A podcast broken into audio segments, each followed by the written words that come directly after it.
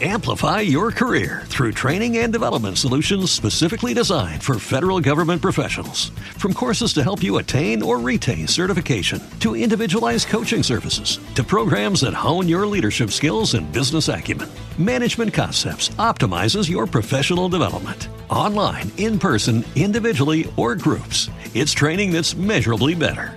Learn more at managementconcepts.com. That's managementconcepts.com. Pro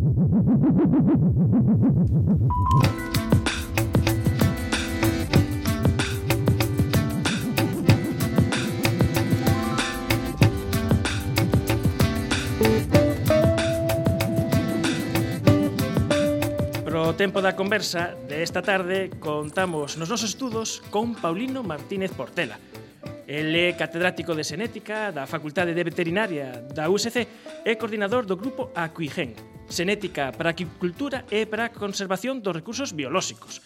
Moi boas tardes, Paulino. Grazas por achegarte aos nosos estudos. Bo, boas tardes e moitas grazas a vosotros para, por haberme invitado. Eh, vos comenzastes a estudar a xenética dos peixes que se empregan en agricultura xa lá polos anos 90. E daquela ata agora eh, pasaron moitas cousas e o coñecemento adquirido fixo que a acuicultura fose evolucionando. Sí. Bueno, nosotros efectivamente, eh, digamos, cuando fundamos el grupo Acuigen, que lo, fundamos entre la profesora Laura Sánchez y, y yo mismo en el año 89, ya teníamos en la cabeza eh, que nos interesaba tanto la, la, ciencia básica, digamos la evolución y eh, el origen y la organización de los genomas, como también nos interesaba que la, que la tecnología que pudiéramos desarrollar no quedara aislada dentro del contexto de la universidad y, por tanto, todo el tema de la transferencia tecnológica y de la aplicación era una, una cuestión que teníamos muy presente. Y, por tanto, empezamos trabajando en temas de genética de la conservación, que era una, una de las eh, aplicaciones más interesantes y que sigue siendo hoy en día y que forma parte de las líneas de investigación del grupo. Y en eso tenemos pues, muchas colaboraciones con Brasil, en el Amazonas y cosas de este tipo. Pero el, digamos que la línea principal que alimenta digamos, económicamente al grupo y, y, los proyectos del grupo es la acuicultura. Y la acuicultura pues empezamos efectivamente en el año 92 aproximadamente, eh, cuando empezaba el cultivo de rodaballo en las principales especies de Galicia, en Stolsifarn y en, y en Pescanova.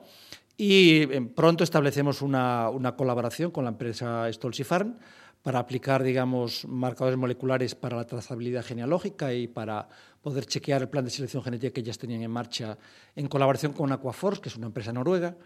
Y inmediatamente pues, entramos en colaboración, en contacto con, con Pescanova para iniciar proyecto, proyecto también CEDETI de industrial para selección genética y a partir de ahí ya en el año 2004 pues es, arranca digamos es el boom de la genómica Ajá. empiezan los proyectos genómicos desde Genoma España y desde la Unión Europea y también con el gobierno Zapatero realmente los proyectos con Solider Ingenio pues se subvenciona un proyecto muy potente de genómica y a partir de ahí desarrollamos todas las herramientas, empezamos a aplicarlas y la industria pues eh, se muestra moi interesada e se beneficia, digamos, de toda esta investigación. Eh, desto falabas que, que o que facedes é xenealoxías eh, dos peixes utilizando marcadores moleculares. Que ven sendo este? Que son estos marcadores moleculares? Bueno, pues son los mismos que se utilizan, eh, en tu caso o en el mío, eh, para, para seres humanos. Son un tipo de marcadores que se llaman microsatélites. Hay cientos de miles de, microsatélites en los genomas y que tienen una característica que, son muy variables, de manera que cada eh, lugar del genoma que tiene un microsatélite, lo que se llama un locus microsatélite, tiene una gran variación de tamaño eh, y, cada, dos individuos son eh, casi siempre diferentes, digamos, para cada locus y sobre todo cuando se combinan varios genes, varias regiones de estas, varios loci de estos simultáneamente, y eso te permite, y además se heredan mendelianamente, con lo cual te permite hacer los análisis de paternidad. Por tanto, cuando se quiere saber si el hijo de Maradona es o no es, o, de un famoso es o no es, se utilizan los mismos marcadores que utilizamos para el rodaballo. La diferencia es que en un caso, en el caso de humanos, pues a lo mejor valen pues 1.000 euros o ahora han bajado de precio en 500 euros y nosotros lo hacemos a 5 euros eh, o a 6 euros el, el, la paternidad. O sea que faz esas paternidades dos rodaballos, buscar esas partes do, do xenoma do ADN e sodes capaces de facer estas cousas. Me parece increíble. Bueno, hacemos eh, 40.000 40 paternidades al año en los planes de selección genética, claro. Ah, boa, moi boas tardes. Hola, boas tardes, Manuel. Bueno, vamos facer unha presentación. No, no, tardes, non sei se Paulino Martínez coñece a boa de Einstein. Mm, coño que non. Eh, pues creo que escuché alguna vez hablar sí. de la bola de Einstein. Sí, ah, sí, sí. Ah, ah mira, mira, Manolo, me estouche superrando, Manuel. Cada vez a, a boa, mira, de, de ser unha auténtica descoñecida ahora no mundo científico xa empeza a ter certo nome. Aquí te... Calquera día presento eu efervescencia. sí, non no decía no padrino que tes que vixiar os teus segundos. Sí, tes que telos ben cerca. Mira, pregunte, Dime. pregunte xa que se non... Sí, sí, sí, mira. Eh, coloquialmente hai unha expresión, ¿no? Eh, agora que falamos de sexo, que cando alguén enreda en cousas pouco prácticas, dice que está a estudiar o sexo dos anxos, non é? E digo eu, esa, esa expresión tamén podría ser o sexo dos peixes, non? Porque coido que explicar o sexo dos peixes debe ser tan complicado como explicar o, peixe, o sexo dos anchos.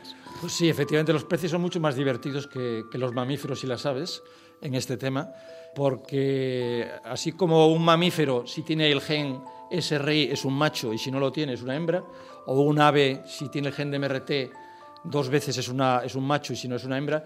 En el caso de los peces hay una enorme variabilidad en los mecanismos de determinación sexual y además tienen una, una tasa de recambio evolutivo muy, muy, muy rápida. De manera que el rodaballo tiene un mecanismo de determinación sexual cuyo gen estamos investigando, intentando determinar para hacer una herramienta de determinación de sexo precoz, y el coruso, que es una especie del mismo género, tiene otro mecanismo completamente, completamente diferente. Por tanto, son mucho más divertidos, efectivamente, y en parte pues, tiene que ver, sin duda, el sexo de los ángeles viene bien al caso en este tema.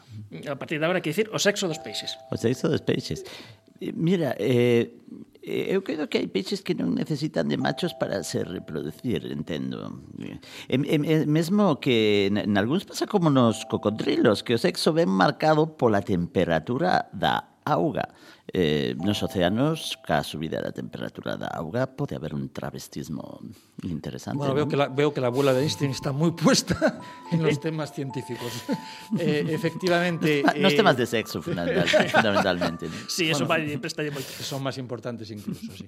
Eh, eh, vamos a ver, efectivamente hay especies unisexuales que están formadas solo por hembras que se reproducen partenogenéticamente, es decir, que el, el- el óvulo eh, es fecundado por el macho de otra especie, por el semen del macho de otra especie, pero que no se incorpora, digamos, al, eh, en el proceso de fecundación, simplemente activa el desarrollo del óvulo. Por tanto, hay especies unisexuales femeninas, siempre son femeninas, unisexuales. Y después, en cuanto a la temperatura, pues efectivamente los peces tienen un sistema de determinación sexual muy lábil, muy eh, flexible, de manera que cambios en la temperatura pueden determinar que eh, salga un macho, o sea, llegan más, más cantidad de machos o más cantidad de hembras. Por ejemplo, en la lubina, si se cultivan a más temperatura, sale una proporción de 80% de machos, y si se cultivan a más baja temperatura, salen el 40% machos y 60% hembras. Por tanto, la temperatura, como en los cocodrilos, efectivamente tiene, tiene mucho que ver con el sexo de los peces. Mira, vos tedes unha, unha patente que lle alegrou a vida aos sexadores de rodaballos. Por, por, por, por que son tan importantes as femias dos robada, rodaballos? Porque sabemos que o mundo sen femias non funciona como este programa. Efectivamente, en el caso del rodaballo, las, las hembras son mucho más interesantes porque crecen mucho más rápidamente que los machos y alcanzan la talla comercial pues como 3-4 meses antes. Con lo cual, eh, si uno consigue la, el, el, ah, el pescado que quiere vender eh, con tres meses de antelación, lo tiene que mantener en la planta durante mucho menos tiempo y sale, más barato. Por tanto, conseguir poblaciones todo hembras, formadas solo por hembras, es muy interesante y para eso tener mm, mecanismos eh, moleculares o herramientas moleculares o marcadores moleculares que te permitan identificar el sexo precozmente facilita enormemente conseguir poblaciones todo hembras con, mayor rapidez. A inicios deste mes eh, soubemos pola revista DNA Research da secuenciación xenética do primeiro vertebrado realizado en España, que foi levado a cabo polo grupo Acuigen da USC do noso convidado Paulino Martínez, o Centro Nacional de Análisis Xenética de Barcelona e Mailo Cesic. E neste momento podemos saudar ao outro lado do teléfono a Antonio Figueras, que é profesor de investigación do Grupo de Inmunoloxía e Xenómica do Instituto de Investigacións Mariñas CSIC. Moi boas tardes, Antonio. Buenas tardes. Hola, buenas tardes, sí. Antonio. Hombre, Paulino, ¿Cómo estás? ¿qué tal? Muy bien, ¿y tú? Un gran avance eh, este da secuenciación do rodaballo só pode ser posible poñendo en marcha iniciativas conxuntas de traballo entre varias institucións como é este caso. Non si, sí, Antonio? Yo creo que es, es realmente un ejemplo de lo que se puede conseguir cuando se coordinan grupos eh, de, de distintas instituciones eh, que están en la misma comunidad autónoma. Yo creo que es uno de los grandes desafíos que tenemos. Eh, el hecho de que en Galicia la investigación esté repartida en varias consellerías no es nada bueno. Y a nivel estatal es exactamente lo mismo. Es decir, la investigación está repartida entre el Ministerio de Educación, donde están las universidades, y el Ministerio de Economía e Innovación, donde está el CSIC y otros órganos públicos de investigación como el oceanográfico. Y eh, a nivel de autonomía es el espejo de lo que está sucediendo a nivel del Estado. Esto es un despropósito, porque la única manera de conseguir realmente esa coordinación es que habitemos todos en la misma casa y no que tengamos estas fronteras que las tengamos que saltar de forma muchas veces eh, hercúlea y simplemente porque tenemos un interés de trabajar conjuntos, pero el sistema non lo facilita. O coñecemento non sabe de, de barreiras, de institucións eh, para facer todas estas cousas é necesario pois traballar en conxunto e chegar a facer cousas estas, como xenoma do rodaballo. Eh, por que é tan importante? Por que pensades cada un de vos, non sei, primeiro Antonio, e, e logo Paulino, que é tan importante saber o xenoma do rodaballo? Antonio. Bueno, yo, yo creo que el genoma de cualquier especie es eh, un, un primer paso para realmente conocer a fondo la biología y utilizar la biología para beneficio de, del consumidor, en definitiva. ¿no? Entonces, eh, pues va en la línea de conseguir mejorar la producción, mejorar la calidad, mejorar la seguridad y por eso el tener eh, cómo funciona, el, el, por así decirlo, el índice de cómo funciona o el diccionario de cómo funciona una especie es tan importante. Pero hay que tener en cuenta que es un primer paso muy pequeñito. Es decir, eh, este es la, el genoma de un individuo, ¿eh? Cuidado. ahora eh, puede haber eh, variaciones y lo que se trata es de que todo esto que hemos encontrado lo podamos llevar al sector y que sea realmente eficaz para, para la mejora de esta producción. Coincido plenamente con, lo que dice Antonio. Efectivamente, el genoma es una herramienta fundamental para conocer cómo funciona un organismo y cómo, cómo es su morfología y cómo es su fisiología y por tanto es un elemento básico para poder mejorar su producción de cara eh, a las empresas y de cara a los consumidores.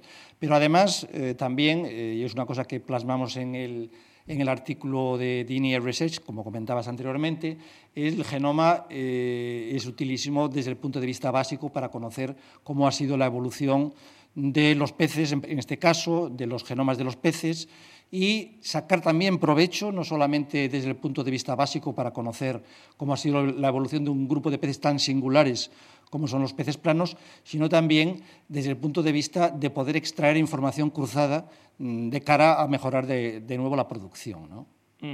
Porque aí o que interesa é ver como é o crecemento, ver como son as respostas patoloxías, eh, por exemplo, eh, Antonio, no vosso grupo traballades na inmunoloxía de peixes. Eu non sei se os peixes se poden vacinar, por exemplo.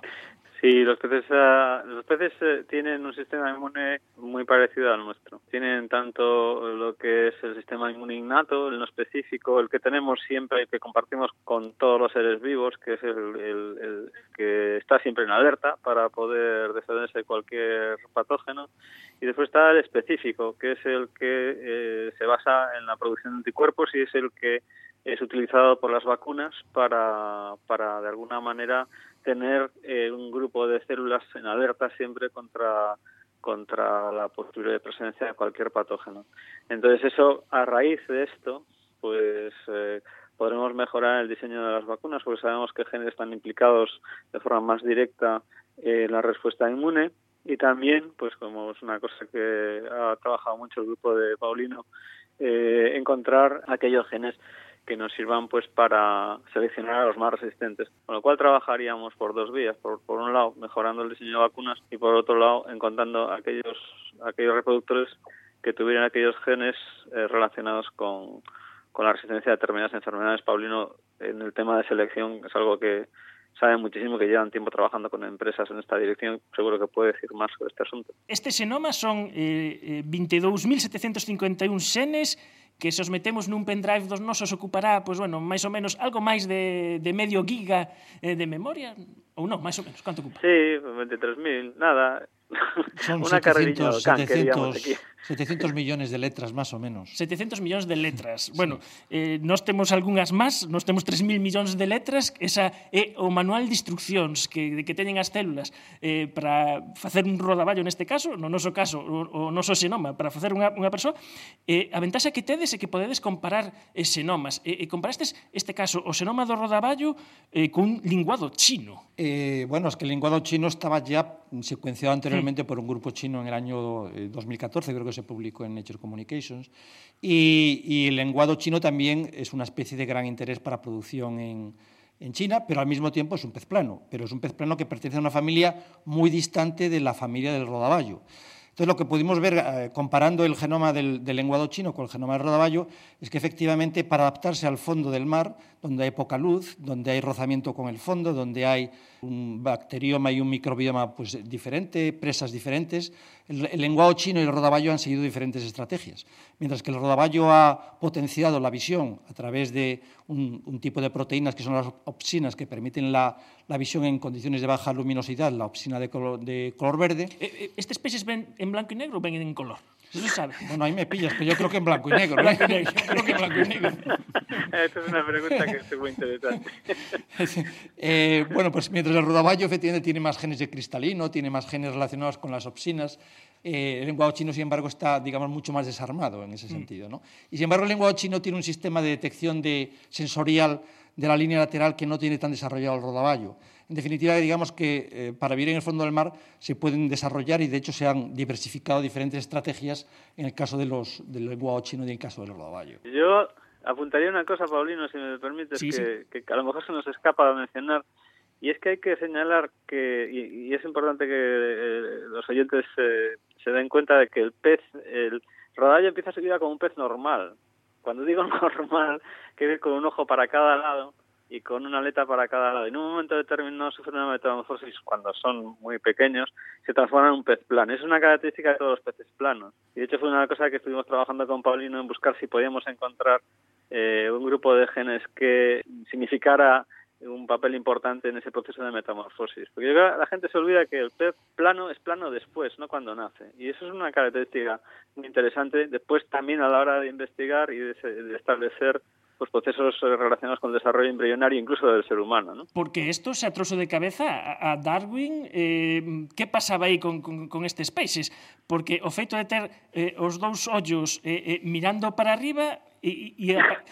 É, algo que, que nos, nos dicimos, isto é normal, pero... Tiene cara, cara, cara como de boxeador noqueado, ¿no? Sí, efectivamente, eh, desde los tiempos de Darwin es un grupo de peces muy eh, muy controvertido respecto a, las posiciones de Darwin, que era gradualista en, el tema evolutivo, y pare, parecía difícil pensar que hubiera especies que, eh, desde una simetría bilateral, como son las larvas, que tienen los ojos en cada lado, como decía Antonio, hasta una simetría plana, donde los ojos se han desplazado completamente hacia el otro lado, que hubiera especies intermedias que tuvieran los ojos parcialmente desviados, parcialmente desplazados.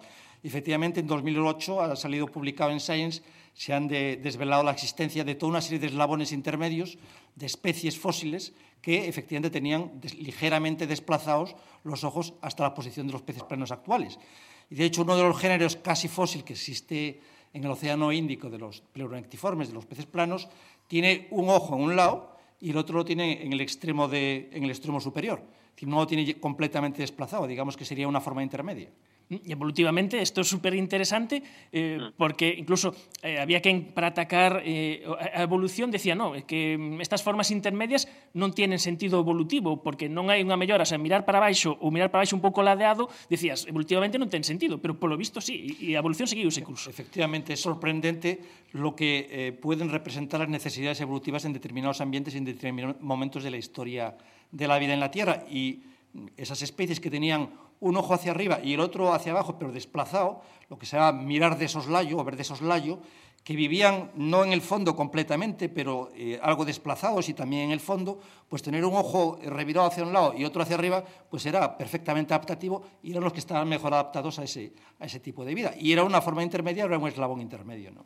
Eh, Antonio Figueras, eh, profesor de investigación eh, do Instituto de Investigacións Mariñas CSIC. Eu coido que podemos aproveitar eh, esta pequena parolada para invitarte para que outro día veñas aquí ao noso estudio de Fervescencia sí, sí, a falar dunha chea de cosas que o profesor... Cando queda... Yo quería decir una cosa sí, que, que, que a mí me parece interesante, que si os dais cuenta, en muy poco tiempo hemos estado hablando con un trabajo aparentemente arduo, como es el de un genoma, Hemos hablado de cosas aplicadas, hemos hablado de cosas de evolución, hemos hablado de historia de la ciencia, hemos hablado de adaptaciones al medio. Esto es lo bonito y lo enriquecedor de un trabajo que realmente cuando uno se lo plantea es muy arduo. Paulino y yo hemos tenido muchas muchas sesiones de, de sufrimiento y padecimiento, como cualquier investigador por otra parte, y todas las personas que han trabajado han aportado su granito de arena, pero al final cuando ves este trabajo que contempla todos estos distintos aspectos y que aún le queda todavía por seguir adelante esa andadura, te das cuenta de que esto merece la pena.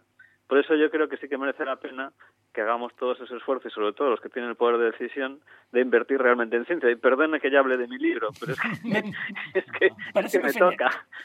Parece, parece moi importante, é, é moi importante, é moi importante saber as cousas que se investigan, saber onde van eh, os cartos que todos cando pagamos a facenda decimos onde van estes cartos e eh, ver eh, a utilidade que ten todas estas investigacións que ao final se fan con eh, cartos públicos e de alguna forma eh, aí os científicos estades dando un retorno a nós, a sociedade, co, explicando explicando ben que de tal xeito que entendamos o que facedes. Eh, Antonio, nada, eh, queda feito o emplazamento eh, Cando nada, eh, falamos para que veñas aquí nos estudios e falar con calma das cousas que facedes no Instituto de Investigacións Mariñas e de máis cousas. Que che parece? Muy bien. Pois moitas grazas. Un abrazo, Antonio. Hasta luego. Un abrazo, Paulino. Oye, ¿y esos peces? Son para un experimento. ¿Qué ha pasado con el de los huevos? Oh, no hay nada que hacer. No hay forma humana de mejorar la receta actual. Así que... peces. He leído un artículo de unos científicos japoneses que insertaron ADN de medusas luminosas en otros animales y he pensado, ¿eh? Peces lámpara.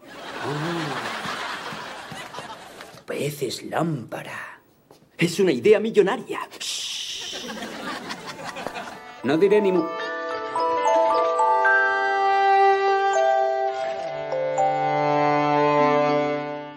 Mira, a ver se entendo ben como traballades na práctica, porque eu penso que sodes un pouco como Mendel eh, cos chícharos, non? Porque eh, o que pasa que vos xoquetes con vantaxe, Gregor era un pouco chapucero cos datos, eh? mesmo Alano Alén fai trampas as cartas. Bueno, bueno. Pero bueno, esa é outra historia. Outro outra historia, contamos. outra historia. Mira, a causa trátase de seleccionar os mellores reproductores, pero vos non vos fixades nos que son máis grandes, por exemplo, senón nos que teñen os xenes de crecer máis rápido, é eh? algo así, non? Eh, al final los que, los que son más grandes son porque tienen genes de crecer más rápido. La cuestión es que a la talla comercial, antes de que empiece la maduración, porque cuando empieza la maduración se detiene el crecimiento somático y entonces eh, sería mantener los peces es una pérdida para los acuicultores. El rodaballo empieza esto a los dos años aproximadamente. Entonces, antes de eso, el pez tiene entre un kilo y medio y dos kilos. Entonces, si consigo peces que crezcan más rápidamente, puedes tener el mismo producto de un kilo y medio, a lo mejor en un año. Y realmente con la selección genética que estamos haciendo para tasa de crecimiento en rodaballo, pues ya se ha cortado en varios meses el tiempo de crecimiento para conseguir un ejemplar de talla comercial y eso ha abaratado el coste, lógicamente, de los pescados de acuicultura. Hoy un rodaballo de acuicultura está Bueno, yo estuve recientemente comprándolo a 8 o 9 euros y el de El Salvaje, pues estamos por encima de 20 euros. Por tanto, hay una diferencia sustancial. Además, tens que saber precisamente cales queres seleccionar ben, porque, como dices, o tamaño comercial non é o tamaño de reproductivo. entonces esos son os que tens que reservar. Efectivamente. Tú tienes que reservar aquellos que se reproduzcan bien, No basta solo con ser grandes o con crecer rápido, sino además tener una fecundidad elevada y eh, tienes que tener en cuenta, en cuenta varios caracteres simultáneamente, no solo el crecimiento, aunque el carácter crecimiento es actualmente el, pri- el prioritario dentro de la acuicultura. E que pasa se, polo que sexa, se mesturran rodaballos de piscifactoría seleccionados xenéticamente con outros salvaxes? Pode ser un problema para o medio ambiente.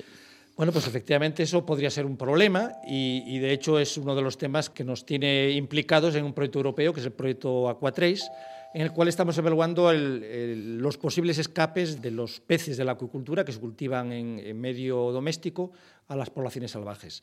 No cabe duda que los peces que viven en condiciones eh, cultivadas eh, viven en unas condiciones de selección diferentes y un, un ambiente diferente de los peces salvajes y si salen al medio, al medio salvaje y se reproducen, pues efectivamente transmiten características que no mm, son las mejores para adaptarse al medio en que viven los peces. Por tanto, los noruegos, que en esto van eh, por delante con el tema del salmón, que efectivamente es la especie más importante probablemente dentro de la piscicultura en el mundo, ya han evaluado el impacto de los escapes de las jaulas de salmón al medio salvaje y han establecido una serie de, de mecanismos correctores para evitar que se produzcan estos escapes y penalizar si hay acuicultores que efectivamente no cumplen con la normativa que debe hacerse. Entonces, yo en este sentido lo que tengo que decir es que las eh, empresas de la acuicultura de Rodaballo Galicia están implicados con nosotros en este proyecto y, por otro lado, hay que decir que el rodaballo es una especie que se cultiva en tanques dentro de tierra con lo cual las posibilidades de escape no son las mismas que las que tiene una lubina o una dorada que vive dentro en una jaula y que está sometido, por ejemplo, a un temporal que puede producir escapes mucho más fácilmente. Uh -huh. ¿Puede haber soltas eh, con fines reproductivos? Bueno, hay sueltas efectivamente cuando las poblaciones se sospecha de que han, eh, está, están deterioradas o que han sufrido un declive como consecuencia de, de, por ejemplo, eh, aquí en Galicia, como consecuencia del Prestige, eh, la acumulación de, petróleo en el, fondo del mar afectó pa particularmente a los organismos bentónicos, como los peces planos. En ese momento se planteó por parte de la Junta de Galicia una repoblación con rodaballo, yo creo que fue entre el año 2008 y 2011 aproximadamente, y se hicieron sueltas de peces que en parte, en gran parte o una parte significativa venían de, de granjas, para intentar complementar y recuperar las poblaciones salvajes de rodaballo. Eh, actuaciones similares han tenido lugar en Noruega, eh, en los Países Bajos, en el Mar del Norte, y en ese sentido el rodaballo estamos encontrando algo, muy poco, de rodaballo de, de granja, posiblemente, muy posiblemente por estas sueltas que se han realizado. Ata agora existían dous espécimes moi concretos de, chamemos de homobiolóxicos. Podemos, Manuel? Sí. Vale. O biólogo de campo, coñecido como homo homobiolóxicos de bota, ¿m? o biólogo de laboratorio, coñecido como homo homobiolóxicos de bata e agora por cousas da bioinformática vende a aparecer o homo homobiolóxicos de tecla e a mí me pinta que Paulino é eh, máis ben destes últimos. Que lle dá máis a tecla que a bota. De tecla. Bueno, eh, efectivamente, nos estamos moviendo cada vez más hacia la tecla, sin duda ninguna, porque los trabajos de genómica, lo que es la parte de laboratorio, ya se hacen plataformas a nivel mundial.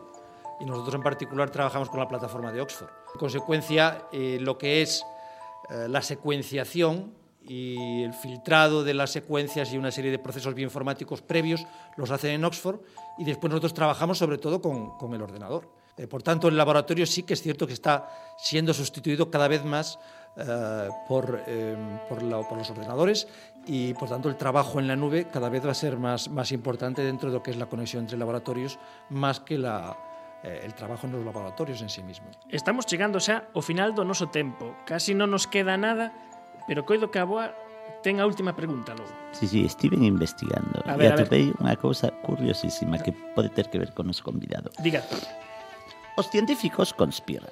Conspiran. Entón, sí. unha, hai unha conspiración moi curiosa eh, que atopei eh, investigando. E unha de, de, esta conspiración consistía, eh, fíxose, en no Instituto Karolinska de Estocolmo, sí, donde dan os premios Nobel de, de Medicina, eh, na intimidade dos seus laboratorios os científicos urdiron un maquiavélico plan para inserir subrepticiamente citas de cancións, atención, de Bob Dylan nas súas publicacións científicas.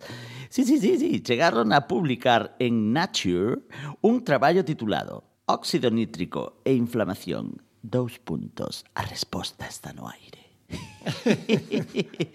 Mira, eh, a esta conspiración secreta sumáronse despois outro grupo de, de investigadores e afortunadamente hai algo máis dun ano destapouse este complot que chegou a ver publicadas citas de cancións de Dylan en, atención, 727 artigos científicos e seis deles en Nature, Un destes. Bueno, Porque... por, por desgracia todavía no, todavía no. Pero confesa, confesa, sabemos que as túas debilidades van un pouco Sí, polo sí, mundo dilaniano, eh, ¿no? Yo soy un dilanita, sin duda ninguna. No voy siguiendo a Dylan por, por todo el mundo, como hacen algunos dilanitas, pero, pero sí que es uno de mis referentes musicales eh, desde siempre, ¿no? Y, bueno, como hago mis pinitos también, pues toco la guitarra, la armónica, el piano, pues también Cachis. hago algunas, algunas cositas. Había que traer una guitarra. Non trouxemos a guitarra. A próxima vez otra vez, para la próxima traeremos la guitarra. entonces cantábamos os la clásica de Blowing in the Blowing in Wind. the Wind cantamos incluso los tres, sí, pues, con, la, con la abuela de, Hombre. de Pois Einstein. sí, bueno, boa, ten, Sí. ten oído. Y Manuel. O tivo. e Manuel, dalle violín. bueno. bueno. Dixen dalle. Dalle, sí. Claro. Eh, bueno, non sei agora xa sabes esta conspiración, o mellor nalgún próximo traballo eh, na, análise das, do xenoma do, do rodaballo, non sei se se pode meter algunha letra aí de Dylan polo medio. Pero mira, Pues lo, os- lo voy a hacer, estoy pensando, lo- es una buena idea. Voy a meter alguna letra, alguna letra de Dylan, claro que sí. Claro que sí. Sí, sí. Pero mira, estos os científicos son muy raros, Manuel.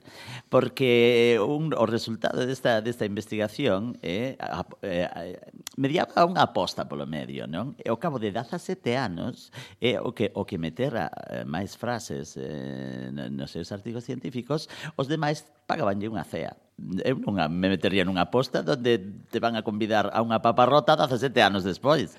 Cousas veredes. O que pasa que eh, temos que preguntar entonces ver o próximo eh, artigo científico de Paulino Martínez Portela sobre xenética do, do rodaballo, aquicultura ou, ou algunhas cousas coas que traballa, a ver onde está a cita de, de Dylan. Pois Paulino moitas grazas por acompañarnos en Efervesciencia e nada, ata a próxima. Muchas, muchas gracias a, vo- a vosotros y tomaré en cuenta estas, estas sugerencias que son, Sí, sí. son muy interesantes. Traemos armónica, eh, eh, guitarra. Bueno, Bueno, Manuel, y a- Manuel se, se atreve a violín. Estupendo, muchas gracias. Pistol shots ring out in a barroom night. Enter Betty Valentine from the upper hall. She sees a bartender in a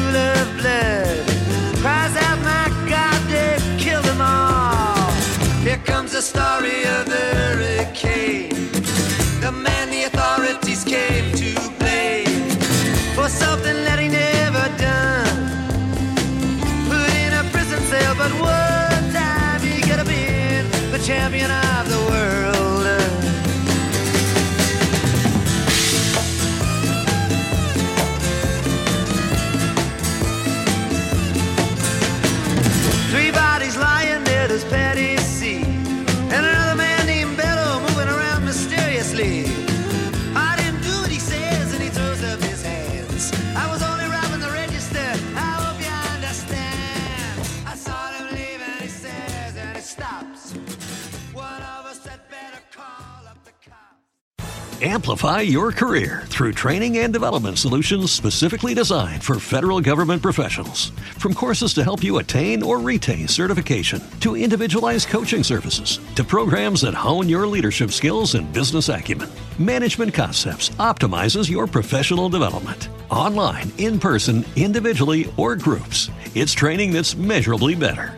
Learn more at managementconcepts.com. That's managementconcepts.com.